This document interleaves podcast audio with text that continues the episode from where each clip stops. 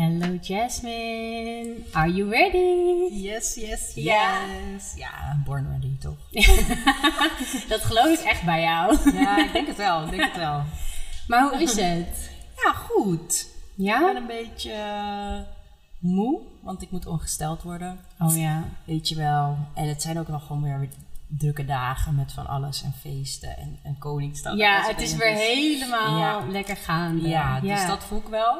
Maar voor de rest gaat het eigenlijk wel heel goed. Nice. Ik voel me wel ja. goed, ja. Nou, ten eerste superleuk dat je met mij deze podcast wil opnemen. En ik vind het ook heel leuk dat ik hier in jouw domein zo ben. Mhm. En jouw, jouw energy, jouw, jouw kindje eigenlijk in Moonfields en Aura Studio. Dat is ook waar ik jou van ken, eigenlijk van Moonfields. Ik weet nog heel goed die eerste foto die ik van jou zag. Want ik dacht echt, wat is dit? Ja. Het was een foto waarbij jij op een gigantische rozenkwarts Ja, ja, I En love die toen- foto ik dacht echt van, wow, wat gebeurt hier? Hoe komt deze chick aan zo'n gigantische Ja. rozenkwarts? En toen zag ik inderdaad dat dat iets met jouw ehm, bedrijf ook te maken had. Ja. En toen ben ik jou gaan volgen. Oh, wat grappig. Ja. Maar hoe kwam die foto dan op jouw eh, vizier, zeg maar? Hoe, Ja, ik heb dat, geen... Zo werkt dat gewoon, hè, met Ja, social media. Dat Zo werkt dat, gewoon. dat zie je Ja. dan gewoon ergens bij aanbevolen. Of misschien dat iemand het gedeeld. Ja. Maar ik was gelijk intrigued. Ja. Oh, wat Ja. grappig. Ja. Ja. leuk. Dat vond ik een leuke. Dat was in 2020 volgens mij dat ik die foto had genomen. Ja, en dat Ja. was volgens mij ook toen jij net met Moonfields Ja, begon. best wel in het begin nog. Ja. Ja. ja. Ik ging toen inkopen voor een van de eerste collecties, denk ik. Misschien de tweede of de eerste, ik weet niet meer exact. Maar dat was bij een van de groothandels. Dus Oh, ja. eh, ja, die hebben dan... Toen moest je even opladen. Ja, die hebben, ja, echt, echt, echt. Ik zei, oh my god, I need a picture. Ja, snap ik. Maar ik ben er dus laat achter gekomen. Ehm, eigenlijk ook een beetje toen ik me aan het verdiepen was in wie ben jij eigenlijk. Mhm. voor, ook voor de podcast. Dat jij nog zoveel meer doet dan alleen Moonfields. Ja. Want je, doet met, je bent met fotografie en art di- direction Ja. eigenlijk Ja. bezig. En ik zat naar jou, even op jouw website te kijken en naar jouw portfolio. En toen dacht ik, oké, busy bee. Ja, Dat is wel echt... Ja, ja, ja, we timmeren aan de weg, klopt. ja. Klopt, ja. Dat is wel zo, ja. En ik ben dus ook gewoon heel benieuwd. Ik heb daar natuurlijk ook al wel het een en ander van gehoord. Want je hebt een hele mooie aflevering ook opgenomen met eh, Lena. Mhm. Ehm, dus ik ben al een beetje op de hoogte. Maar het is wel een heel interessant en inspirerend verhaal. En Ja. jouw mindset. En dat is iets wat ik zo ja, bijzonder vind eigenlijk. En waarvan ik ook denk van ja, dat is ook iets wat mooi is om te delen. Waar anderen ook een inspiratie uit kunnen halen. Dus ik vind het daarom heel leuk dat wij dit gesprek Ja, gaan hebben. Tuurlijk, tuurlijk. Um, Jasmine. Ja. Ik ben dus heel benieuwd van... Ik ben altijd heel benieuwd van hoe wordt iemand zoals die vandaag de dag is? Ja, hè? En Ja. waar begon het voor jou? Van hoe was jij als kind? Was je ook al zo'n creatief... Ja, ja, ja. Ik denk daar inderdaad de laatste tijd steeds meer aan. Omdat je toch ook, ja, nou, je, ik in ieder geval, graag eh, toch dat innerlijke kind weer een beetje, een soort van, daar vind je toch wel weer heel veel antwoorden op bepaalde vragen of gevoelens. Dus Ja. ik probeer daar wel vaak aan te denken. En ik hecht ook gewoon veel waarde en liefde aan mijn jeugd en aan mijn upbringing. Dus eh, als, ik daar, als ik daar een beetje het zou moeten omschrijven en als ik daar aan terugdenk, dan zie ik sowieso een heel liefdevol eh, soort van bad waarin ik soort van heb kunnen zijn. Tuurlijk hebben daar eh, ups en downs en eh, elk huisje heeft zijn kruisje periodes in gezeten. Dat ga ik niet ontkennen.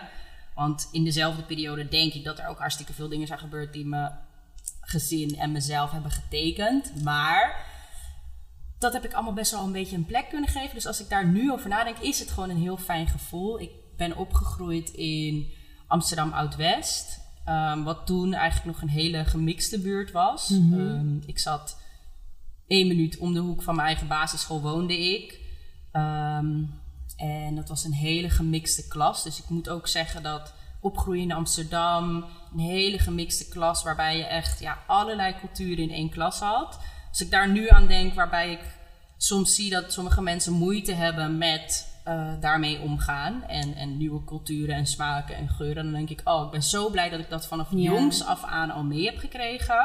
Ik ben natuurlijk zelf ook niet eh, wit, maar ja, het, het, het, het, het doen, meedoen aan de Ramadan was, is voor mij zo normaal. Als in dat mensen dat doen, zeg maar. En dat dat hoort bij een geloof dat dan weer Ja. anders is. eh, dat, nou ja, dat vind ik gewoon super normaal. Omdat ik dat als kind ook al zag, Ja. weet je wel. Bij mijn klasgenootjes en dat soort dingen. Dus dat is heel fijn geweest. Verder, ehm, ja, je omgeving tekent je ontzettend, je ervaringen.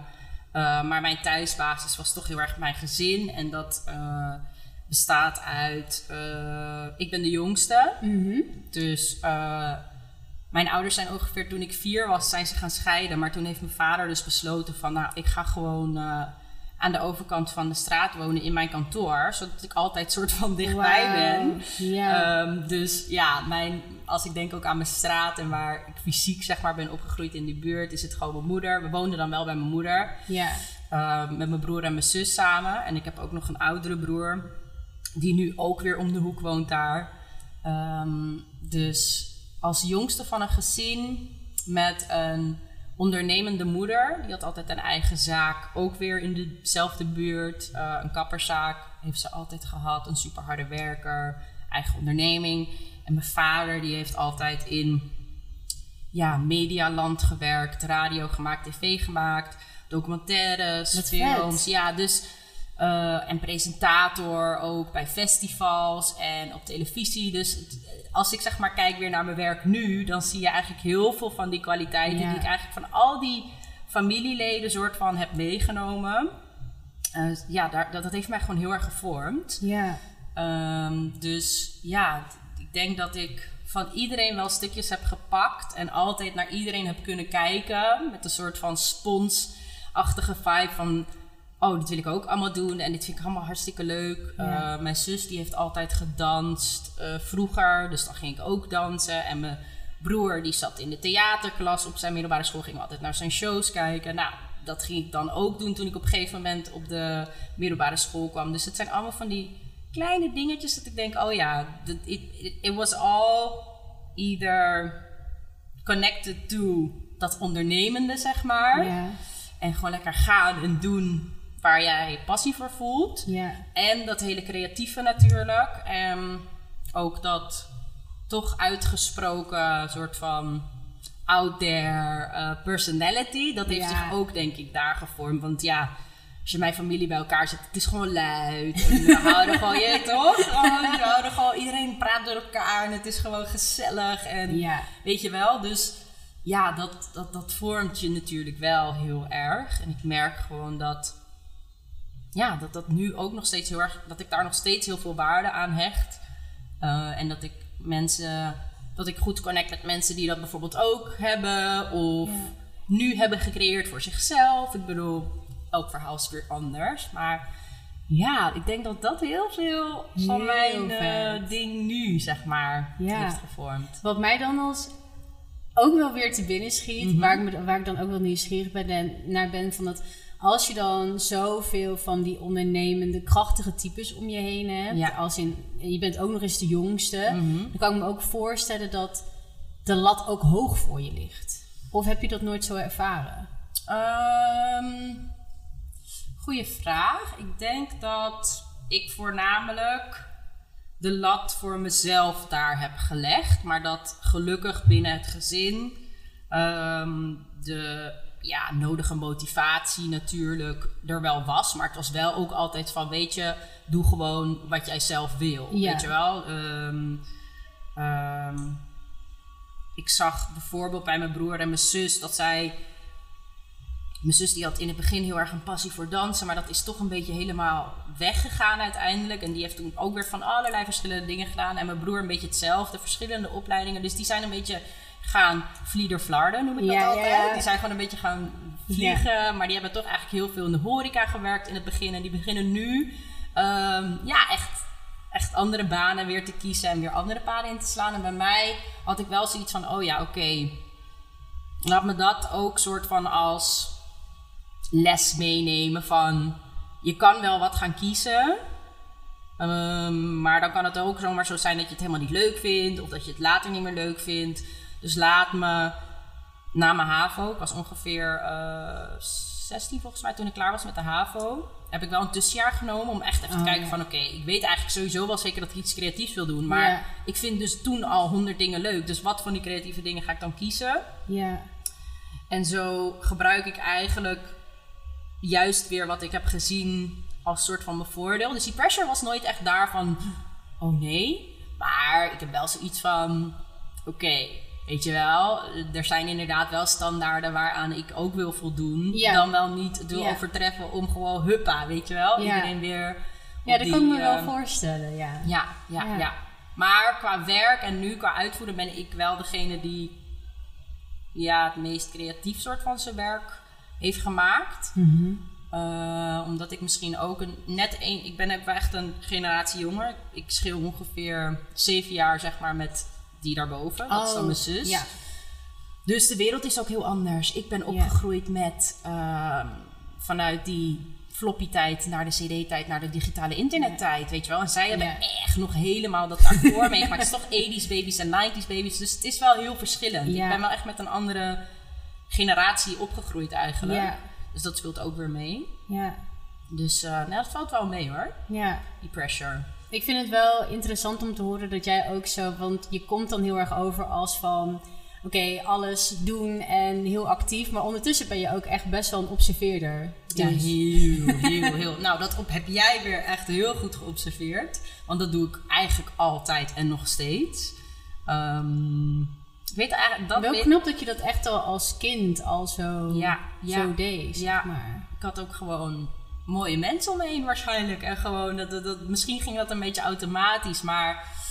ehm, dat, is, dat is denk ik ook weer het effect geweest van grote persoonlijkheden om me heen hebben. Dat ik heel erg aan het luisteren was naar wat zij dan bijvoorbeeld zeiden.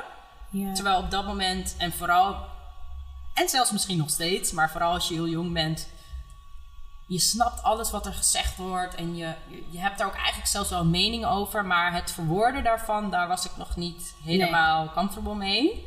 Omdat ik vooral zag van, wow, bijvoorbeeld discussiëren en discussies. Nou, mijn vader en mijn zus, die, die vinden dat gewoon leuk om te doen, gewoon vrijwillig, weet je wel. En ik krijg dan, ik ben toch wel weer veel gevoeliger dan dat. Ik krijg toch weer die stress en dan denk Ja, ik, oh ja, ja. nee, en dan kom ik niet uit mijn woorden. En zij hebben daar dan echt geen last van. Zij gaan gewoon bam. En Oh, ja. elkaar dan bijvoorbeeld klem zetten of met goede argumenten komen. Dan denk ik echt, wow. En dan zit ik echt zo te kijken van, damn, weet je wel. Oké, oké, oké. Ehm, Maar ja, dat, dat observeren, dat is eigenlijk altijd al geweest. En dat gebruik ik nu wel in mijn voordeel. Ik vind dat wel een, een kracht, zeg maar. Het is toch wel die empathische kant dat ik het gevoel heb dat ik met veel verschillende mensen... uit verschillende lagen, verschillende culturen, verschillende leeftijden ook kan levelen. Ja. Dat eh, ja, vind ik wel een fijne eigenschap eigenlijk. Ja, zeker. En toen, je hebt dus een tussenjaar gehad. Ja. Want had je toen al het idee van, oké, ik wil dus... Je wilde in ieder geval iets creatiefs doen. Ja. Maar, had je dan Ja. verschillende opties of zo? Ja, ja, ja. Er waren toch wel wat opleidingen waar ik dan al vaker van had gehoord weer door de creatieve mensen die dan al om me heen waren. Je had een Rietveld. Oh ja. Eh, dat is echt een kunstacademie, weet je wel. Toen dacht ik, hmm, ga ik echt, ga ik echt, Hardcore. Ga ik hardcore gewoon van komkommers stallages maken en gewoon helemaal die speedy gewoon echt die vage shit. Ga ik echt die doen? Waarvan ik gewoon echt denk van, hmm, weet toch? Van, ben ik wel echt zo, zo... Kijk, je hebt, creatief, je hebt gewoon zoveel verschillende vormen van die creativiteit. Ja, Maar ja. goed, ik vond muziek maken ook heel leuk, Oh, weet echt? je wel? Ja, dat is ook weer iets dat ik denk, ga ik echt voor muziek? Want als je daar niet 100% voor gaat ook, heb ik Ja. het idee, dat is misschien nu alweer heel erg veranderd, maar je moet het wel echt, echt willen. En daar was ik gewoon een beetje te onzeker voor. En wat deed je En- dan in muziek? ja, ik vond het altijd. Ik heb op gitaarles gezeten. Ik heb heel lang op eh, zangles gezeten. Dus ik vind gewoon muziek maken. Mijn vader had altijd een band en daarmee mocht ik altijd meezingen en mee optreden en zo. Dus dat was gewoon super cool. En altijd al van jongs af aan, omdat mijn vader dus festi grote festi muziekfestivals, North Sea Jazz en zo presenteerde. Echt? Ja, letterlijk. What? Ja, dan mochten we daar gewoon als kind gewoon backstage en zo. Dus dat was wel echt super cool. Ja, dat is wel heel vet. Dus het is dat ook weer. Ik bedoel, mijn vader is gewoon misschien zelfs wel first muzikant, zeg maar, in zijn hart vanuit passie en daarna de rest. Hij is ook zo'n multi. eh, hij doet van alles. Dus, Ja. Dus dat, weet je wel. Muziek was een optie. Met je handen heb je die creativiteit. Dat is die kunstoptie. Dan had je ook nog eh, mode.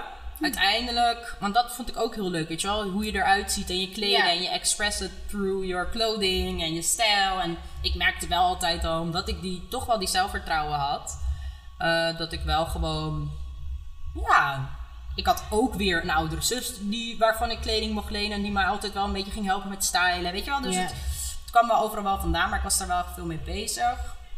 En zo waren een paar opties, maar ik dacht, ja, weet ik het. ik weet het toch niet. Maar eigenlijk Ja. is het toch ook heel raar dat je dat moet weten als je 16 bent. Ja, ik weet het nog steeds eigenlijk niet. Nee. Want ik echt, weet je wel, ik vind alles leuk. Maar ehm, ja. in dat tussenjaar ben ik toen een, eh, een blog gestart. Want dat was helemaal de tijd van eh, Oh ja. blogspot.com, weet je wel. Dan ja. iedereen, dat was gewoon, ja, dat is echt de tijd nog voor Instagram. Instagram bestond niet. Niks bestond eigenlijk nog. Nou, dat is niet waar. is. Misschien MySpace of Ja, zo. maar dat sowieso bestond allemaal wel. Maar het was heel erg blogger. Je wou een Ja. blogger zijn, je wou een fashion blogger zijn, je wou naar Fashion Week. Dan wou je er cool uitzien. Ehm, dan ging je je foto's, outfit posts was, was toen echt een ding, weet je wel. En dan ging je opschrijven waar alles vandaan kwam. En dat ging ik toen doen. Dus ik had een blog en dat ging ik lekker spammen online. En iedereen wist dat ik een blog had van zeg maar mijn wereldje. ja, ik weet dat mensen dat namelijk heel irritant vonden. Oh ja? Ja, maar dan heb je er dan ook weer tussen zitten. En toen dacht ik, ja, whatever. En toen dacht ik, ik vind schrijven helemaal niet leuk. Oh. Helemaal niks met schrijven. Nee, dat is wel een ding als je een blogger Ja, dat is zijn. gewoon schrijven. En toen dacht ik, hé, maar dat fotograferen en die lookjes en dat vind ik allemaal wel leuk. en het stylen, ja. weet je wel. En toen dacht ik, hmm, misschien is fashion wel een thema waarin ik Ja. Het moet iets visueels ja, zijn. in ja geval. toch visueel. Daar, Ja. Daarin in fashion, als ik gewoon fashion als een groot ding zie, nou, daar zit sowieso fotografie in met de shoots en dat soort dingen. Daar zit eh, muziek in, ook met fashion shows en producties bedenken. Daar zit, weet ik veel, er zit gewoon van, je kan alles wel onder dat hoedje zeg maar plaatsen. Ja. Ehm, hoe dat er dan precies uitzag, wist ik niet per se. Maar ik dacht, ja, dat, het is wel een goede vorm om, om te kiezen. En toen kwam ik eigenlijk op Amfi terecht Oké. die opleiding, zeg maar. Toen ben ik naar die open dag geweest, fashion en branding. En ik had wel echt een beetje zoiets van, wow, eerlijk, ik weet niet eens waar dit echt allemaal precies over gaat. En wat je nou echt, echt, echt hier gaat leren. maar ik heb wel het idee dat het hierbij samenkomt. En eh, Ja. laat me het gewoon proberen. Ik zie wel, als ik word aangenomen, want het was echt zo van, ja, maar Amfi, dat is echt... Ja. dat is echt hoge, hoge dingen. Je wordt niet zomaar aangenomen en zo. En ik dacht, fuck it, weet ik veel. Ik weet We het zien allemaal wel. niet. Ja, Nee. ik zit helemaal niet in dat eh, wereldje. Ik zie wel, ik eh, probeer het gewoon. En toen werd ik wel aangenomen. Maar ik merkte wel gelijk het niveauverschil om me heen. Ik dacht wel van, oké, ik weet wel echt letterlijk niet waar dit soort van over gaat. Ehm, wat wel weer betekent dat ik heel veel heb geleerd. Want dat betekent dat ik gewoon nog, ja, ik kon, alles was best wel nieuw voor mij wat ik daar leerde. Ja. Ehm, en dat gebruik ik nu nog steeds eigenlijk in alles. Heb je die opleiding afgemaakt? Ja, ja het was vier jaar. Eh, het was wel pittig. Ja. En laatst is het dus ook weer allemaal in het nieuws en zo Mm. geweest, toch? Dus dat is ook wel weer typisch. Maar ik voelde me daar altijd wel eh, op mijn gemak, omdat ik ook wel ja, de persoonlijkheid heb van ja, ik kom hier wel voor mezelf. En ik vind jullie allemaal heel aardig en leuk, maar ik kom gewoon om dingen te leren. En ik ben gewoon leergierig. En ik ga gewoon die lessen serieus doen. En ik vind het ook leuk, omdat alles nieuw voor me is. Dus alles Ja. zijn nieuwe prikkels. En sommige mensen hadden gewoon die mindset niet. Of die kwamen er toch achter dat ze het niet leuk vonden. Dus die zijn wel gestopt. Maar ja, ik, ik heb het gewoon afgemaakt. Wel met, met, zeg maar, tuurlijk met ups en downs. En met huilen bij de deadlines en dat soort dingen. En van die aparte opmerkingen van leraren. Maar ik had gewoon zoiets van, ja... Het is dan dat het mij niet raakte. Maar ik kan me wel voorstellen dat... Het is niet per se normaal of zo. Ik vind niet dat ze dat eh, konden zeggen. Alleen ik was daar gewoon iets minder gevoelig voor. Dus eh, ja, dat heb ik toen gedaan. En toen ben ik toch daar geëindigd bij de mode, zeg maar. En tijdens die opleiding heb ik ook weer helemaal de liefde voor de fotografie en film gevonden. En vanuit daar weer, ja.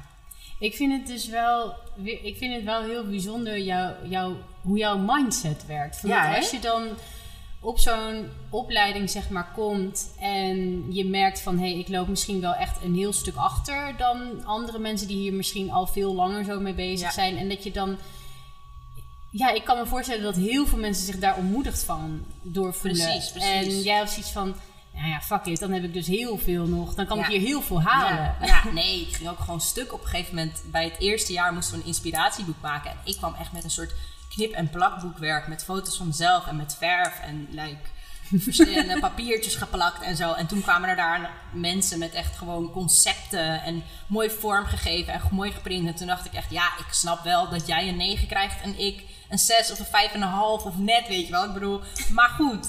Heb je dezelfde motivatie? Heb je dezelfde spirit? En heb je dezelfde dri- drijfveer en leergierigheid? Dat dan weer niet. Dus ik denk inderdaad dat... Kon je dat toen ook al echt zo relativeren? Nee, je- dat denk ik niet Oh. hoor. Dat is, nee, dat is niet nou. Maar ik merkte wel van... Ja.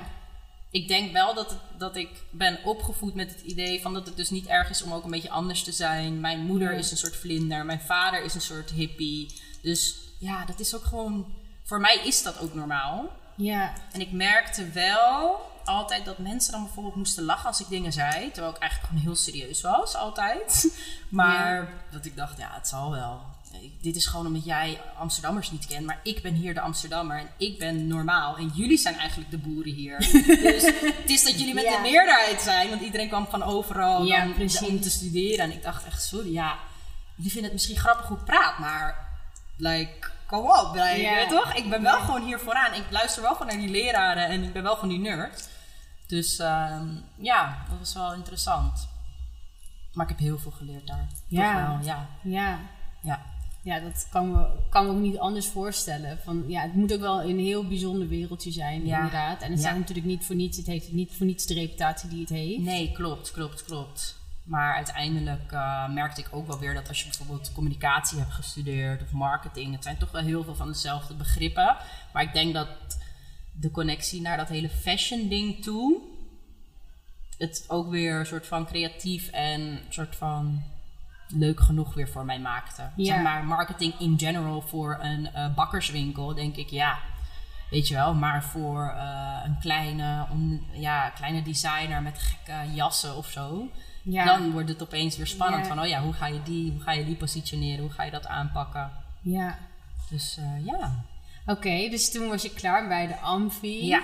Je, je wist in ieder geval al wel dat fashion de overkoepelende en, het- en het visuele, de Ja. overkoepelende Ja. Ja. het thema voor je was, zeg maar. Hoe ben je toen verder gegaan? Ehm, nou ja, dat ondernemende, dat kwam dus al een beetje vanuit mijn ouders en zo al. Eh, want eigenlijk een klein stukje dat ik nog was vergeten is dat die blog, ik zei van, Oh ja. ik, vind, ik vind schrijven niet leuk. Ja. Maar ik kreeg wel steeds de vraag van, oh, maar waar heb je dit jasje vandaan? Oh, waar heb je die schoenen gekocht? Of, oh, weet je wel, gewoon helemaal niet eh, heel veel mensen of zo. Maar ik neem gewoon alle prikkels als iets heel serieus. Wat ook een downfall kan zijn, want dan ga je dus van op naar Ja. Dat ik wel zoiets van, hé, als iedereen aan mij gaat blijven vragen waar mijn brilletje vandaan komt, dan ga ik gewoon dit brilletje verkopen. Dan kan je het gewoon bij mij kopen. Oh, En toen- slim. Ja, dat was zeg maar, toen kwam ook Instagram op. Dan had je nog Ik wou net zeggen, er moet ergens Ja. een keer Instagram Nee, in Instagram kwam toen op. En toen had je nog Instagram met die vieze, met die vieze Oh, frames. oh, en, die, ja. en die bruine filters. En dat was gewoon cool en normaal om te doen. Ja. was toen denk ik ongeveer... Ik was ongeveer 16 toen. Ja, dat ja, was ja. het begin van, van Instagram. En toen dacht ik, weet je wat? Ik ga gewoon op Instagram ga ik verkopen. Dus voordat ik een hele website en al die dingen ga bouwen en KVK, laat me gewoon klein, klein, klein beginnen. Ik koop wat sieraden in. Mijn moeder die had, eh, die had al eh, wat linkjes bij wat groothandels in de buurt. Omdat zij ook in haar kapsalon van die tasjes verkocht. Ik dacht, nou, Ja. als ik gewoon de dingetjes uitkies die ik leuk vind, dan ga ik dat gewoon proberen te verkopen. Maar dat, dan zat dat ondernemershart, dat heb je Ja, dus wel ja, echt. ja, dat je daar gelijk een kans in precies, ziet. Precies, ja. Vanaf een bepaalde leeftijd is dat toch aangegaan. Maar laatst was dus Koningsdag. Toen dacht ik, ja, toen was ik ook al gierig. Gewoon, oké, elk jaar optreden.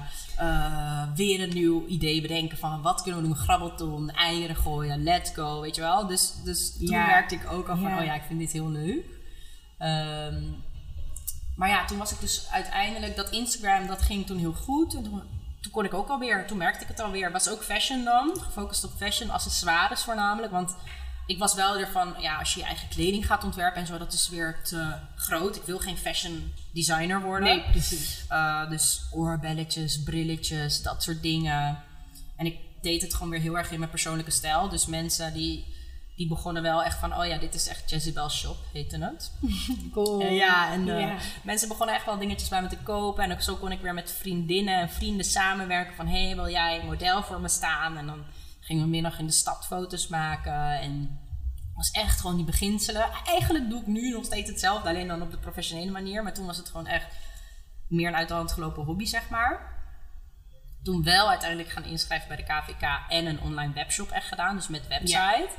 Maar toen werd het ook gelijk een stuk serieuzer. En uiteindelijk ben ik dat ook tijdens Amfi nog steeds wel blijven doen. Maar dat nam zoveel van mijn tijd en energie. Dat op een gegeven moment moest ik gewoon zeggen van weet je wat. Stop het. En ik ga ook binnenkort afstuderen. Dan heb ik al helemaal geen tijd. Skip. Ik ga gewoon ermee stoppen. Dus toen ben ik ermee gestopt. Ehm, maar toen was ik klaar met Amfi. Eh, en toen merkte ik wel al tijdens Amfi van... Oké, sommige meiden die willen echt op het hoofdkantoor van Tommy Hilfiger werken bijvoorbeeld. zeg maar wat, of een groot, Ja. eh, groot merk, weet je wel. Ja. Sommigen die willen echt voor een tijdschrift gaan werken. Die, dat zijn ook gewoon echt van die meiden die je dan dus bij de Linda Meiden ziet werken, weet je wel. Die stilo. Dus ik dacht van, nee, sorry, dat wil ik allebei ook echt niet. Dat spreekt me echt niet aan gewoon, weet je wel. Zo heel Ja. groot, corporate. Ja. Ik heb daar ook een soort van natuurlijke aversie tegen. Van nee, ik doe het echt liever zelf. En ik denk dat onbewust ik toen ook al... Ja, een soort van per ongeluk hier en daar bijvoorbeeld wat mensen ging assisteren. Of op sets bezig was. Of weet je wel, dat ik toch al een beetje... Dat had geproefd, dat fre- freelance leven. Maar ik wist wel van oké, ik weet echt niet per se waar ik aan begin en hoe ik dit moet aanpakken, maar ik Ja. ga het gewoon proberen.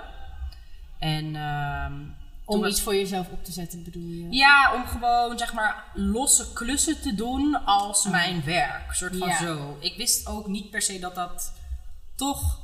Dat heel veel mensen dat gewoon al deden, weet je wel. ik, was, ik was weer gewoon opnieuw het wiel aan het uitvinden. Is dat een thema? Oh. Ik ja, maar ik heb die wel geswitcht. Want het is nu echt van, nee, je hoeft niet het wiel Ja. opnieuw uit te vinden. Dus heel vaak, nu doe ik dat echt niet meer zo vaak. Maar toen had ik al zoiets van, oh ja, dit is, dit is iets nieuws. En toen al snel merkte ik van, oh ja, er zijn heel veel verschillende kanten weer van dit, dit vak. En je kan freelance fotograaf zijn, maar je kan ook dit doen. Ik ging gewoon reageren op een meisje van mijn middelbare school. Die zei, hey, ik zoek, eh, ik zoek een assistent voor een klus. Kan iemand mij helpen? Ik zeg, ja, wat moet je doen dan? Ja, gewoon een beetje mijn spullen tillen en helpen met gewoon een doekje ophangen en zo, zus en zo. Ik zeg, ja. Ik ben dan wel weer die bluffer die denkt, ah joh, ik heb dit nog nooit gedaan, maar doe het gewoon. Ja? Ja, je moet ook gewoon echt een beetje scheid hebben. hoor. Wat, ma- wat maakt het ook uit? Ja. Maar ja, kom ik wel gewoon op een van mijn eerste assistentieklussen daar bij Hilversum binnen, bij het Mediapark, waarbij zij de hele rebranding van 3FM aan het doen was, qua fotografie dan, van al die radio-dj's. Had- Oh, je was ook gelijk wel echt op iets ja, groots ja, terecht was, ja, gekomen. en dat wist ik ook niet eens. Want ik ging gewoon, want ik kende haar gewoon van de middelbare school, weet je wel. Ik wist wel dat zij al vette klussen deed en zo, want zij was wel echt al bezig. Maar ik, ja, ik ga gewoon, weet je wel, 100 euro of zo, 50 euro, weet ik veel. Let's go, voor de ervaring. Ja. En toen ging ik dat doen, ging ik gewoon assisteren. Toen weer een ander meisje ontmoet. Dus het zijn allemaal zaadjes die je plant. En dan pak je hem weer door. En met dat meisje die ik daar ontmoet, die juist weer de art direction van de shoot deed. Toen merkte ik eigenlijk van, oh, dat vind ik ook wel heel interessant. En toen vroeg zij ook weer een keer van, hé, hey, dat meisje die jou assisteerde, kan ze mij ook een keer assisteren? Daar weer mee gegaan, naar een Buddha to Buddha shoot. was volgens mij de eerste shoot die we samen deden. Ik ook weer, kom op zo'n set, ik zie een regisseur. Dat was dan weer video meer.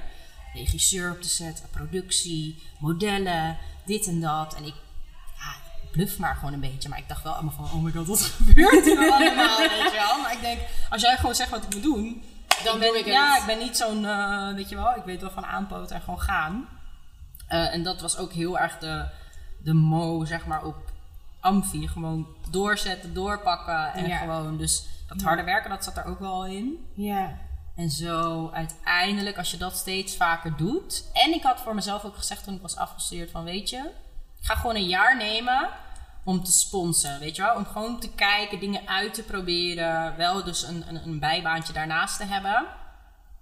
En gewoon mensen ja, te assisteren, te kijken wat ik leuk vind, netwerken, weet ik veel. Ik zie het dan wel. En dan na een jaartje kan ik misschien een beetje wat beter zeggen wat ik nou wil gaan doen. En eh, dat heb ik ook echt gedaan. En dan uiteindelijk, hoe langer je assisteert ook, Eh, wat niet per se altijd gratis hoeft, jongens. Dat hoeft niet, weet je wel. Ik bedoel, soms wel. Je moet dus een beetje goed kunnen aanvoelen Ja. van... hé, hey, dit is echt iets van... Dit is zo vet. Ja, dat zij moet weten, zo- precies, ja. zij weten ook gewoon nog niet wie ik ben en wat ik waard ben. Maar dat Ja. moet je dus zelf op een gegeven moment wel echt heel duidelijk voor jezelf afstellen. Dat wel gezegd hebbende. Ja, Maar op een gegeven moment, als dat meisje dan niet meer kan, die ik nu al een paar keer heb geassisteerd, ja, dan is het die van ja, meid, ik word nu gevraagd, maar ik heb al iets anders, wil jij het doen? ja, precies. En toen dacht ik ook, oh my god, ik heb dit nog nooit gedaan. Nou, fuck it, het zou wel, het zou wel, het zou wel te doen zijn, weet je wel. Hoe moeilijk kan het nou echt zijn? En dan, want dat is het. Je hebt zo'n heftig beeld vaak van dingen. Ja, En je maakt het, het zo groot. zelf groot. Je maakt het gewoon groot. En vaak jezelf heel klein. Ja, precies, precies, precies, ja. precies. Dus als je die precies anders uitkrijgt en gewoon denkt, nee, fuck it, ik bluff gewoon, ik ben echt wel beter dan dat ik misschien ook echt ben. En ja, ik, ik zie wel waar het schip eh, landt, want je weet het niet. Ja, En ook een beetje geloven dat als het wel een slechte ervaring is, dat je dat dan ook weer hebt geleerd, weet je wel. ja. Ik merkte wel dat door sommige dingen te doen, dat ik ook echt dacht, oh wow, styling is best wel vet, maar het is ook wel echt veel werk. Je moet het shoppen, je moet het stomen, je moet het terugbrengen. Je moet... ik, ik voelde me net een pakezel en ik dacht, ja nee, hier heb ik geen zin Not in. for me. Nee, uiteindelijk doe ik nog steeds. maar in het begin had ik echt zoiets van, nou, styling eerlijk, nee. Maar styling zou dan ook lager komen qua als ik een rijtje zou moeten maken. Ja, Maar ja, dan ga je het gewoon doen. En dan merk je opeens van, oh, iedereen doet dit. Iedereen tussen aanhalingstekens wel doet maar wat. Zeg maar, als je snapt wat ik bedoel. Zeg maar, het zijn allemaal jonge mensen. Het zijn allemaal normale mensen die gewoon met je kunnen communiceren. En die je ook als je een vraag hebt, je gewoon ja. dat beantwoorden. Ik bedoel, ja, dat is ook oké, weet je wel. En ik denk dat ik daarin ook gewoon weer hele toffe mensen ben tegengekomen. Omdat je toch ook, ja, ik geloof daar wel in, aantrekt wat je uitstraalt. En als je gewoon die open houding en die ambitieuze, soort van passievolle, ik ben hier om te leren en leer me maar. Ja. Dan gaan mensen dat ook voelen en Ja. denken van, hé, hey, zij wil echt wel gewoon leren, weet je wel. Ja, En daardoor heeft zij het mij denk ik ook weer vaker gevraagd. En hadden we echt, hebben we echt een, een, een fijne samenwerking opgebouwd. Ik noem haar ook mijn, mijn film godmother, zeg maar. Want Oh, zij, ja. zij deed dit al. Zij doet dit al. Ze Ja. is ietsjes ouder dan ik. Zij was gewoon al bezig. En inmiddels, zij is nog steeds heel erg in de film bezig. Maar op een gegeven moment waren we echt veel meer collega's en was ik gewoon op hetzelfde niveau qua klussen doen. Ze hebben veel meer ervaring nog steeds en meer contacten. Maar ja, ik merkte wel van wow. Dat jij ook aan het Ja, groeien was ik en was echt gewoon, Ja, ja. weet je nog, die, Ja. die, die Boeddha te Boeddha klus, weet je wel. Dat ik echt dacht van, mm, maar ja, het is gewoon een kwestie van gaan. Je doet het twee keer en je, je merkt de bepaalde kenmerk van... hé, hey, dit werkt gewoon blijkbaar een beetje zo. En dan, eh, ja, vanuit Heel daar ben ik gewoon een officiële soort van freelancer geworden. En ben ik me gaan inschrijven en ben ik zelf klussen gaan doen. En dat heb ik eigenlijk gedaan tot en met ik dus Moonfields ben gestart weer ongeveer vier jaar verder. Ja, dus Ja. heb je best wel een tijd gedaan. Dus Ja, zo. ja, ja. En nog steeds dus hier en daar wel, omdat ik toch merk van ja, ik vind het ook Het kriebelt ook, Ja, ja. het is ook gewoon leuk. En Ja. ik wou eigenlijk, en dat heb ik ook soort van gedaan, 100% kiezen voor Moonfields. Omdat ik vorig jaar voor het eerst een feature-length film heb gedaan. Dus zeg maar echt een speelfilm. Als production designer. Dus dan ben je ook echt zeg maar het hoogste pietje van de art department. Dus dat gaat over de sets en Oh. over de moodboards en welke, welke vibe gaan we neerzetten. Dus je werkt echt close samen met zeg maar de regisseur en de camera. En de art dus. Ja. Ehm, werk je echt samen om die film te maken. En ik dacht, ja shit, oh, ik kan deze kans niet voorbij laten gaan. Maar ik kan ook niet een fulltime film gaan maken. En gewoon midden in mijn growth of Moonfields zitten, Ja. weet je wel.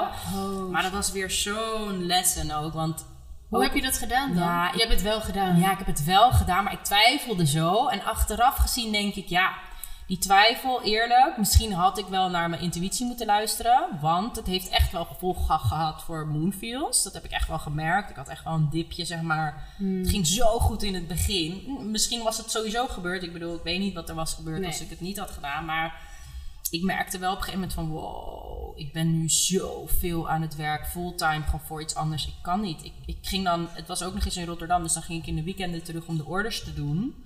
Ja. Maar ja, social media-wise heb je bijna geen tijd meer voor Nee. het posten. Dus op een gegeven moment had ik echt een, best wel een break bij Moonfields. En toen dacht ik, nee, dit wil ik niet. En toen ben ik... Uiteindelijk is het filmproject klaar. Ik bedoel, ik ben wel weer die van...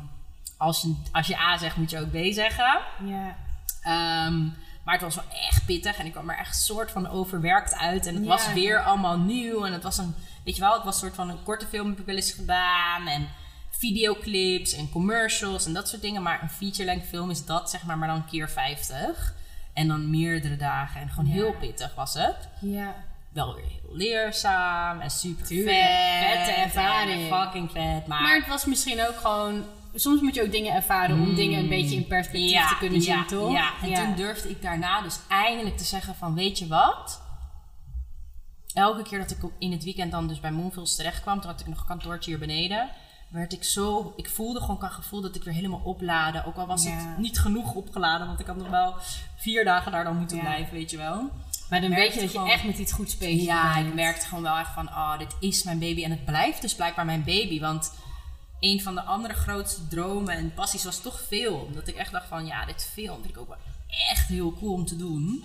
Maar toen dacht ik, nee, dit is gewoon iets wat je niet kan combineren. Je kan niet een fulltime in de film werken en fulltime een heel bedrijf runnen. Het kan gewoon niet. En ik moest gewoon letterlijk dat heel hard voelen voordat ik dat ook geloofde. Want Ja. ja, je moet mij wel echt eerst soort van Give bijna- me the facts. ja, give me the facts. En ik moet echt bijna op mijn bek gaan. Gewoon wil ik ook echt Voelen dat er een Ja, is. snap je? Precies. Ja. En dat is, dat, heeft, ja, dat is ook natuurlijk weer lekker pittig en heel ambitieus. Maar Ja. Ja, mensen zeiden wel eens van ja, je doet te veel, of moet je niet kiezen. En toen was ik altijd van nee, het is me toch nu toe, tot nu toe ook al vier jaar lang gelukt om ah, en stylist en fotograaf en dit en dit en dit te zijn. Maar dat zijn allemaal korte services, dat sluit je af, weet je wel. En een lange film, dat had ik nog nooit gedaan, dat wist ik niet. Maar daarna kon ik wel zeggen van weet je wat, ik ga voor Moonfields. Skip het gewoon. Even een break van die dingen. Je hebt nu echt een doel behaald, zo'n lange film gemaakt. Ehm, maar je vindt dat heel leuk, maar niet zo leuk als Moonfields. Dat is jouw baby. Daar kun je ook weer al die eieren in kwijt. Je bent met honderd verschillende van die creatieve aspecten, maar ook professionele en zakelijke aspecten te maken. Dus het daagt me ook uit. Zeker. Ik dacht, weet je wat, ik ga daar gewoon voor. Maar Oh. ja, dat was zeg maar eind vorig jaar. En toen moest ik toch financieel gezien een bepaalde keuze maken van hé, hey, dit is nu mijn bedrijf, het is nu twee jaar. Ehm, financieel gezien ben je gewoon nog niet daar om er 100% van, Ja. in te, van te leven ook. Weet je wel, ik, heel Ja. veel van dat geld wat ik dan bijvoorbeeld verdiende met Moonfuls, nou heel veel, eigenlijk alles ging er gewoon gelijk weer terug in. Ja.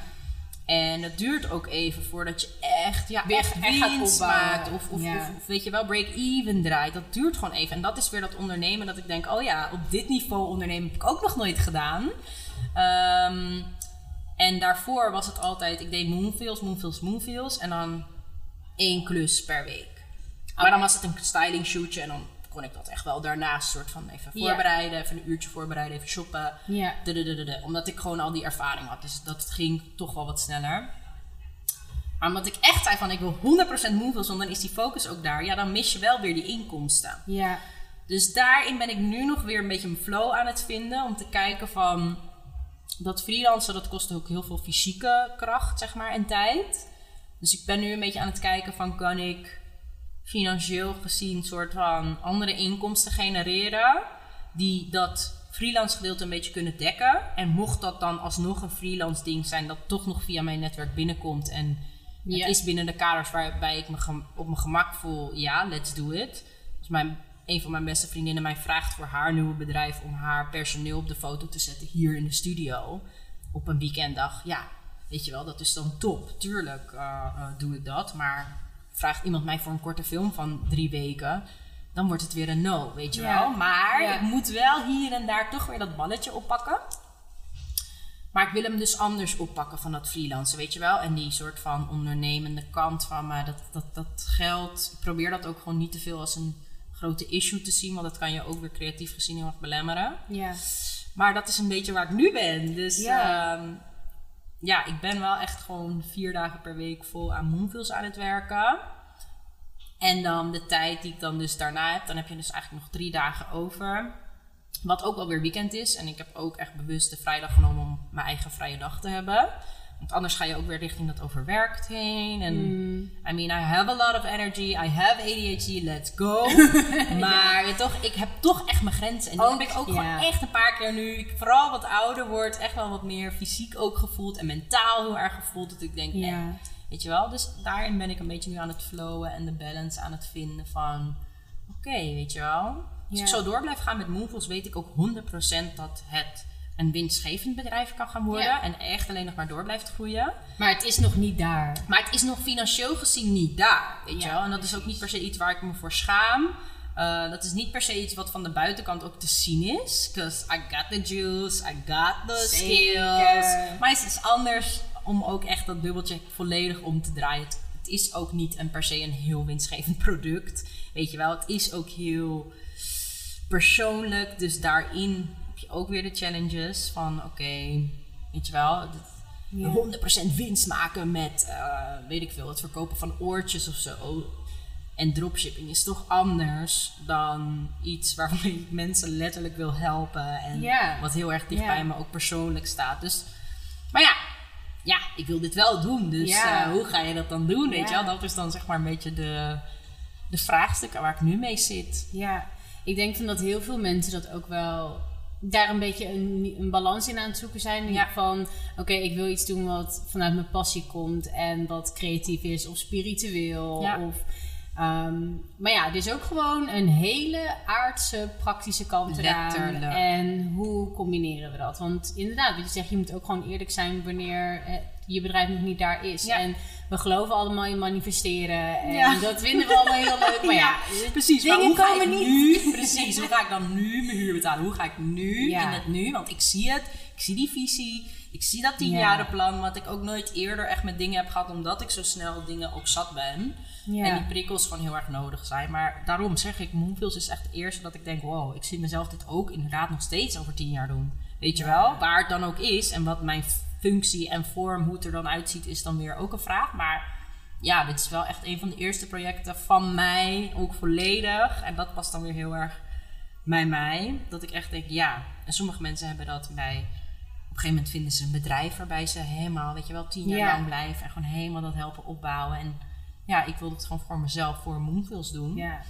Dus dat is wel een heel duidelijke richting. Maar it's a lot of work Ja. lessons en mirrors, spiegels, constant. Want dat bluffen, dat kan dan ook soms weer een beetje, weet je toch? In de ass bijten of zo. Ja, tegen ja, je werken. Ja, je moet wel even die stress voelen van... eh, oh ja, nu moet ik echt wel weer even goed gaan kijken van... Oh ja, hoe verdeel je de potjes? Wat is belangrijk? En Ja.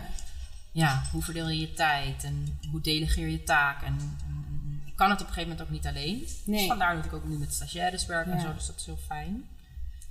Ja, je hebt echt wel, maar daar ben ik ook nog wel benieuwd naar van, je bent zo gedreven en ambitieus.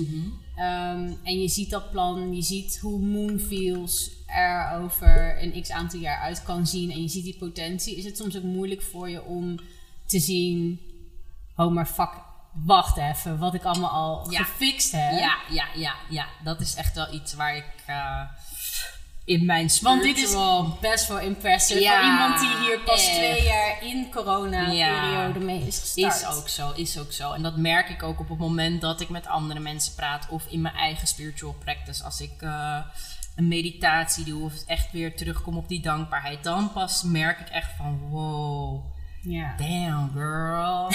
like, het is heel leuk en het past mij en ik doe zoveel. Maar het is ook daardoor inderdaad een valkuil bijna om er niet stil bij te staan. Ja, omdat je zo op het vooruitgaan gericht ja, bent. Ja, ja. dus ja, dat, dat, dat, dat, dat heb ik zeker ook. Dat zeg ik. Ik ben echt wel iemand die heel positief is ingesteld. Eh, en dat ook graag laat zien online en dat soort dingen. Maar ik, ik ben ook op zoek naar die balans van hoe kan ik ook laten zien op de momenten dat ik wel struggle. Of op de momenten dat ik wel overwerkt ben. Want iedereen denkt misschien dan toch in a way. Ook al gaat het me uiteindelijk ook niet om wat mensen weer denken. Maar het is ook weer online, weet je wel, een soort van wat hou je in stand, waar doe je aan mee, waar doe je niet aan mee. En onbewust doe je ook mee aan dat laten zien dat het goed gaat.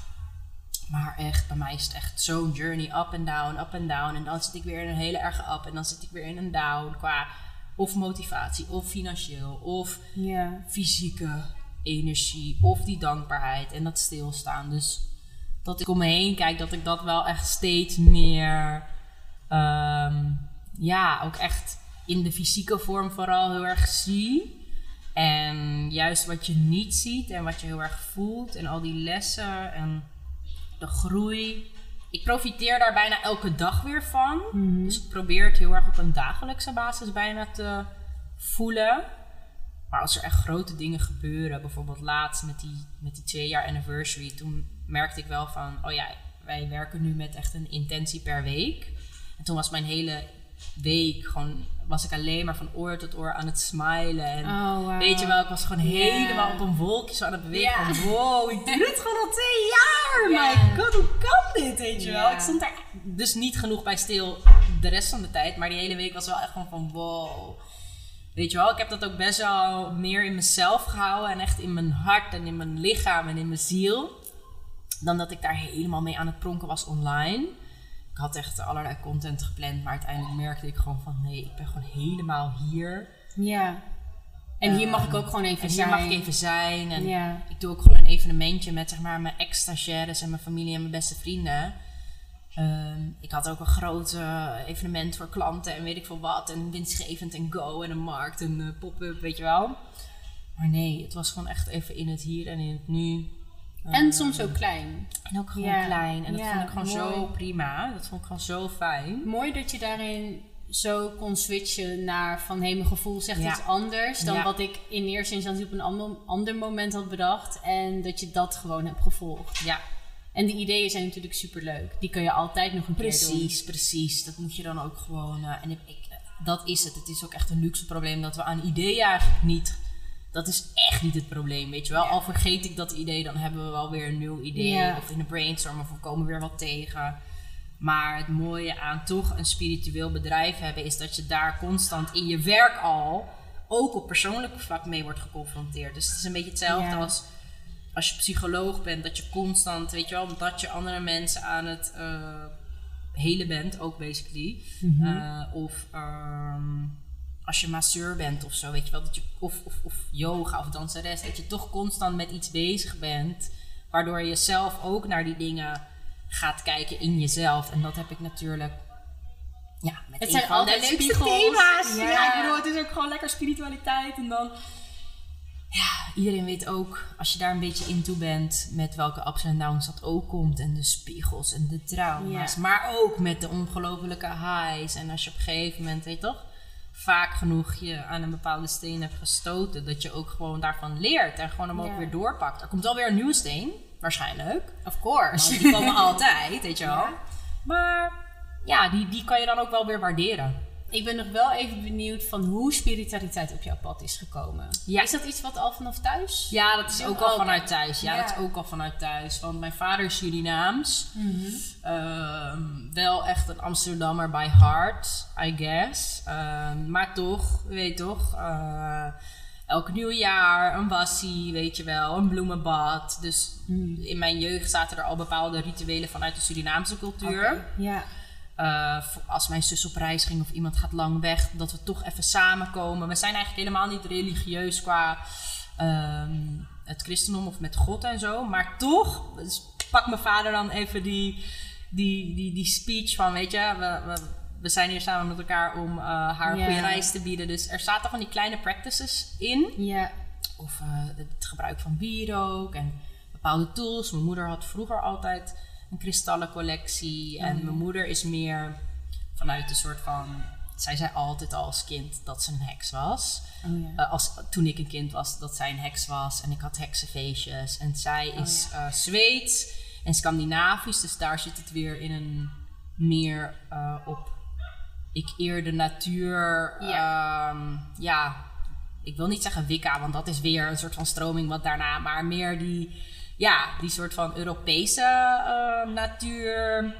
spirituality. Ja, precies. Ehm, ja, weet je wel, gewoon eh, bepaalde drankjes eh, als je ziek bent, weet je wel? Dus ik heb het van twee verschillende hoeken. Meer die Europese en meer die, ehm, ja, toch Surinaamse,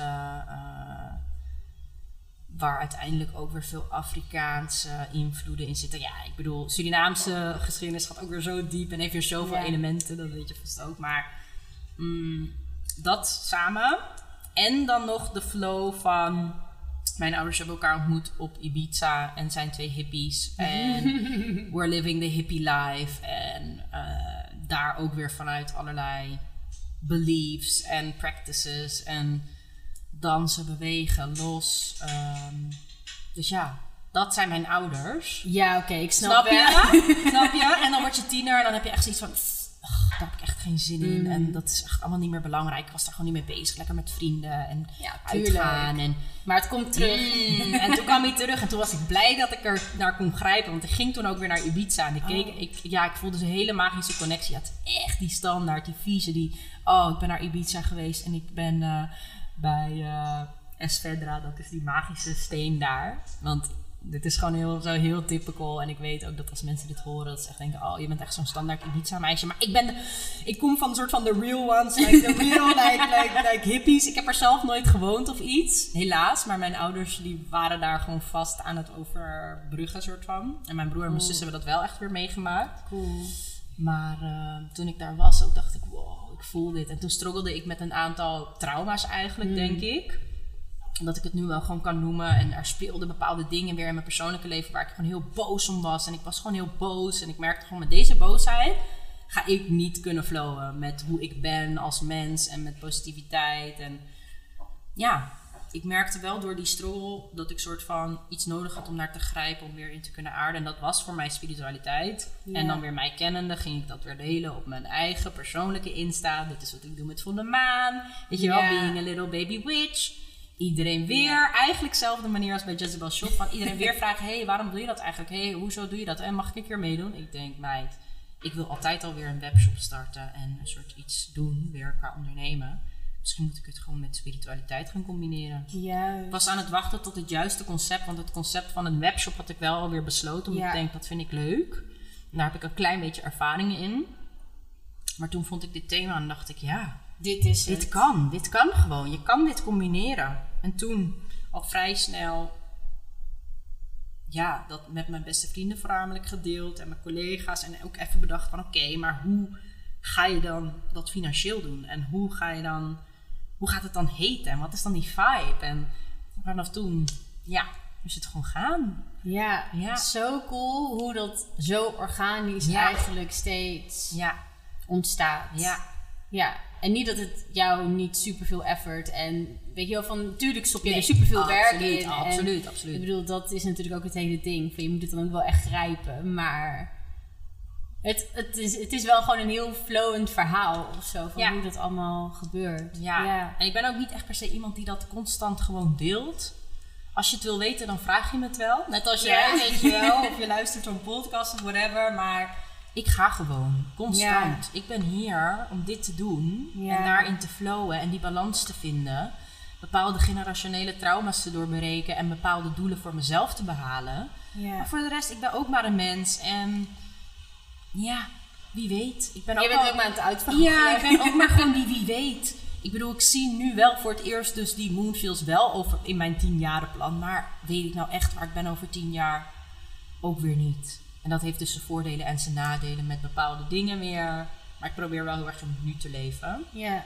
En daar dan weer een soort van strategisch of een Ja. soort van plan van aanpak voor te maken. Het voelt wel allemaal heel intuïtief ook. Ja, ja. Ja. en dat is ook wel echt. Mijn moeder zei altijd: volg je intuïtie, volg je intuïtie. Ja. En ik zeg je eerlijk, in het begin wist ik nog niet eens zo goed wat dat nou betekent. Wat bedoel je Ja, wat bedoel jij? Van, Wat zeg zal jij? wel, weet je wel. Oh, van als iets niet goed voelt, dan voelt het niet goed. En dat merk je dan natuurlijk wel ook als tiener al een beetje. Maar nu denk ik echt: oh ja. Like snap je, like it. ja, Ja, ja. Ik kan nu heel goed aanvoelen. En met die film ook weer was zo'n goed voorbeeld. dat Ik dacht, mijn intuïtie zei: girl. It's Are too you much." sure? And it's gonna be too much. You already know. Maar nee zeggen vind ik best wel moeilijk. Weet je wel. En goed mijn grenzen bewaken. En ik dacht ook, sorry, maar het is ook echt een opportunity. Ik denk, oh, Tuurlijk. laat me dit doen. En ervaring is de beste leermeester. Daarom. Nu weet je het. Anders had ik het nooit geweten en dan had ik het, Ja. ja. dan had ik het op een ander moment misschien wel in een belangrijker staan. Je weet het niet, maar Het is oké dat het zo Precies, is. precies, En je hebt er een mooie les En ik ben er ook nog steeds met Ja. weet je wel. Ik, ik, ik ben nog jong. Ja. Sorry. Aan de ene kant soms denk ik de laatste tijd steeds vaak, ik bedoel je move toch iets meer richting de 30. Ik ben bijna 28. Echt eh, over twee weken of zo. Of drie weken. Ehm, maar aan de ene kant denk ik, ja, kijk hoeveel ik al heb gedaan. Tot nu. Laat staan, weet je wel. En al, al zeg ik, jongens, ik ga nooit meer werken. Ik ga op een eilandje zitten. Het is niet helemaal mijn stijl, moet ik zeggen. Maar wie weet, you never know. Misschien Ja. switch ik wel, weet je wel. Na een ayahuasca-sessie dat ik denk, meid, je bent alleen maar aan het werk. Maar dat is zo lastig, want mijn werk is ook mijn hobby. En ook mijn passie. En Ja, ook mijn baby. En ook, Ja. weet je toch? Maar daardoor ga je ook wel heel hard werken. Maar ik vind het hard werken... Ik heb mijn ouders dat ook altijd zien doen. Maar, is er nou per se echt iets mis mee? Als ja, je er is, blij... nou, het is, ik ben nu meer op die van, ik wil niet hard werken, ik wil smart werken. Mm, Omdat ik ook ja. gewoon mensen zie chillen. of weet ik veel. En dat is natuurlijk ook weer perceptie en social media Mm. en dat soort dingen. En je weet ook helemaal niet wat daar achter de schermen gebeurt. Maar soms ook weer wel, omdat je mensen kent die of hetzelfde doen, of mensen kennen die mensen kennen. Dan denk ik, ja, ik zou ook gewoon heel veel geld kunnen verdienen met, weet ik veel, iets anders doen. En dan heb je het geld en dan kan je dus op je, ja, dan kan je gewoon veel meer op vakantie en weet ik veel, ik weet niet. Gewoon soms denk ik gewoon van, ja, sommige mensen die, als je dus wel helemaal in die NFT's en weet ik wel wat en die dingen duikt, weet je wel. Ja, wie weet maak je dan wel echt knaken en is het gewoon chill, is dat je side hustle en kan je gewoon doen wat voor de rest waar je zin in hebt. Ja. Maar ten eerste, dat ga ik gewoon saai vinden. Mm, Niet genoeg prikkels. Dan ga, Ja. ik, wel dan ga ik waarschijnlijk heel uitbundig in mijn privéleven leven. mm. Dat wil ook niemand.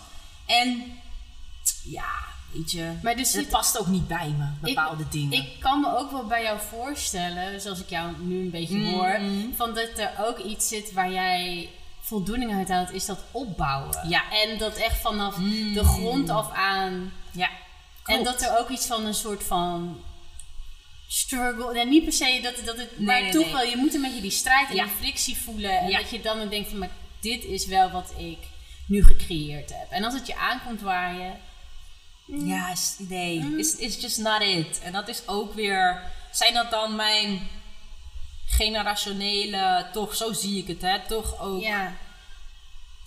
ook being not white, weet je wel. Soms maak ik toch wel ergens weer die vergelijking met, hey, Is iemand met, vraag. ja, je weet toch iemand met, met rijke ouders, waarbij je de startkapitaal kan krijgen van letterlijk je ouders, is weer anders dan, ja, toch het vragen aan vrienden en dan verdelen in kleine potjes en gewoon zeggen van, oh my god, trust me, I'm gonna pay you back. like, weet je wel? En elk ondernemingsverhaal is weer totaal verschillend. Maar ik merk wel van, hé, hey, op sommige dingen hoeft het ook weer niet zo moeilijk als dat het is. Zeg maar, maak ik het misschien moeilijker dan dat het hoeft te zijn? Is dat ook weer waar ik vandaan kom? Of is dat, Ja. is dat ook weer een bepaalde ongelijkheid die er speelt? Weet je wel? Dat zijn allemaal van die dingen die, die ik Ja. me wel afvraag.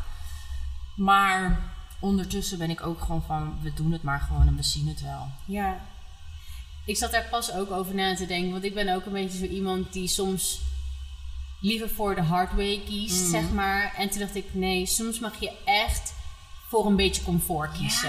Ja. En het hoeft niet altijd... Een Kijk, ik haalde ook voldoening uit dat dingen soms een beetje een challenge zijn. Maar het hoeft niet altijd. Je hoeft niet altijd Precies, de want ondergebukt te gaan Ja. in de... ja, precies, precies. Ja, dat- dat en daar een balans zo. in vinden. Ja. ja. Ja, daarom. Dus eh, dat heeft vaak toch ook met bepaalde financiële eh, middelen te maken. Mm, ja, dat is toch dat hele, ja, ja. is toch weer dat hele geldverhaal en rich dad poor dad eh, vibe van wat is mij eigenlijk aangeleerd qua financiële ideeën, wat, Ja.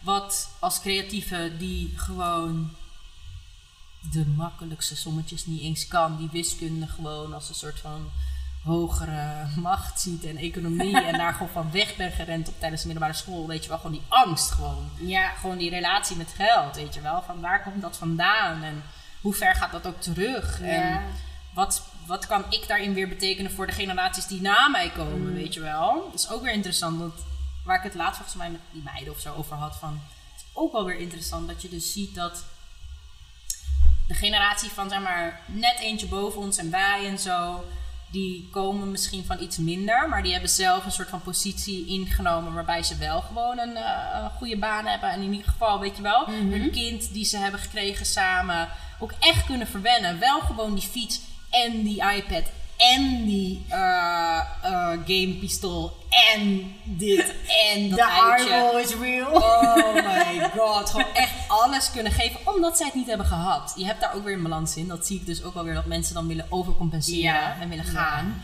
En wij willen dan weer gelijk. eh, weet je toch? We, we hebben dan weer zulke hoge eisen. En als je dat dan ook reach. Dan ik snap dat ook wel weer. Maar ja, ik, ik wil daar ook weer een beetje een balans in brengen. Van, Ja. Je, mag echt wel, je mag echt wel die waarde weten van bepaalde dingen. En ook dat niet iedereen dat zomaar zo kan krijgen. Maar dat je wel daar kan komen door hard en smart te werken waarschijnlijk. Een beetje die combi, weet je wel. Gewoon ook respectfully naar jezelf toe en naar de craft of naar hetgeen wat je hebt gekozen. Ja. De respect ook gewoon daarvoor te hebben. ja. Weet je wel? Of dat nou letterlijk je hele leven in de Albert Heijn werken is. Do you. Ik, zie, ik ken van die mensen, weet je wel. Die, of ik ken ze niet, maar ik zie ze gewoon al mijn hele leven bij de Jumbo werken bijvoorbeeld. Dat ik denk, Ja. ja. maar je doet het wel met passie en je gaat er wel voor. En zo klim jij ook wel weer omhoog binnen dit bedrijf. En het is misschien niet voor iedereen weggelegd, maar je ziet wel gewoon die humbleness daar nog in. Ja. Dus ik denk wel dat het belangrijk is. Maar wie weet, ik heb zelf nog geen kinderen ook. Dus eh, we gaan het zien hoe dat zich allemaal weer gaat uiten. Ja. Het zijn ook praatjes. Meestal is het ook wel weer anders als, als het dus echt begint, die hele Is zo. Ja. Maar eh, nee, dat vind ik wel interessant om ook over na te denken. Ja. En, ja en, en vooral omdat je natuurlijk nu een eigen bedrijf hebt. Waarin dat je eigenlijk ook wel moet. Ja, ja, ja. Ja. ja, echt, echt, echt. Het is ook gewoon van ja, dat is het. Van, ik, ik kies hiervoor echt met volle passie. Maar op de onzekere momenten denk je ook wel weer van ja, shit, gaat dit wel? Gaat dit wel de basis providen die ik echt zoek voordat ik zelf een gezin start? Ja. Dat is wel een van mijn onzekerheden waar ik nu mee zit. Van ja, hoe lang, hoe lang heb ik de tijd ten eerste nog? De biologische tijd, maar ook de ondernemenstijd. Ik bedoel, ik ben nog steeds jonger. Ik bedoel, dat, daar niet van. Maar als ik zeg, ik heb een 10 plan. Ja, over 10 jaar, dan ben ik wel 38. Hmm, kan nog steeds. I mean, het kan wel. maar, weet je Ja. toch? Eh, Ja. Hoe Ja. breng je die tijdlijn een beetje met elkaar in balans? Ja, het heeft echt wel invloed op elkaar. En. Aan de ene kant probeer ik ook weer niet te veel over na te denken, want alles gebeurt zoals dat het gebeurt en daar geloof ik ook wel weer in. Ja. Maar ja, het is wel dat ik denk, hmm, wel leuk en aardig en cool dat je zo lekker dit allemaal doet, maar provide het ook echt genoeg en Ja. zo niet, hoe kom je daar dan? En wat is daar dan voor nodig? En dat soort dingen. Als dat dan dus iets harders werken is in mijn 20s, let's go. Weet je wel, misschien Mhm. kan ik dan wel veel meer met 30s chillen of eh, in mijn 40s. En dat zeg ik, ik ben nog jong. Zeker. We'll see, weet je wel. Ja. Maar het is wel goed om constant inderdaad toch ja, serie- serieus over na te denken. Ja. Ja, Heel, ja, ik ben heel benieuwd Ja, wat hè? er allemaal, dat heb ik allemaal nog op, jou, op jouw reis gaat gebeuren. Want ik, heb, Ja. ik kan ook wel me voorstellen van, eh, dat er ineens echt een big bang of zo Ja. in jouw Ja. journey Ja, terecht- zou absoluut kunnen. Misschien maak ik wel, als ik dan aan kinderen begin, misschien maak ik er wel vijf opeens. En dan ga ik helemaal in die man blijven en stop ik gewoon met werken. En dan heb ik gewoon, is dat mijn werk? Je weet Ja. het niet. Nee, ik denk het niet. Maar ja, ik sta daar wel voor open hoor. Zeg maar qua, Ja. qua Big Bang, we'll see. Ja. We'll see waar die gaat landen, wat het Ja. gaat zijn. En probably it will happen. Iedereen maakt wel van die gekke dingen mee. Ja.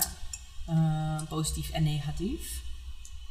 Dus ja. Ja, ik wil jou sowieso echt heel erg bedanken voor de hebben openheid. lang gepraat We ook, hè? lang gepraat. Ja, ja, ja. En ik zou nog langer met je Ja, kunnen praten. Want ik dacht op een gegeven moment al van... Oh, hier wil ik eigenlijk ook nog Ja, even op ja, ja, ingaan. Maar Nee, ik kan echt lullen als brugman. Ken je die podcast van Hef?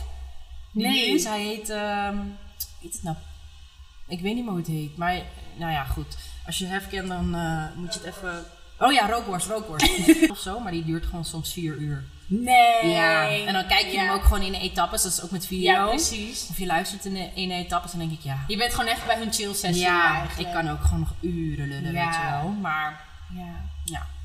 Ben benieuwd of... uh, Ja, misschien spreken we elkaar nog wel een keer. Zeker, zeker. Maar heel erg bedankt. En ehm, nou, ik ga al jouw dingen in de show notes zetten. Dan kunnen mensen jou eh, ook vinden. Leuk. En dan ehm, thank you. Yes, jij bedankt. En jullie heel erg bedankt voor het luisteren. En tot de volgende.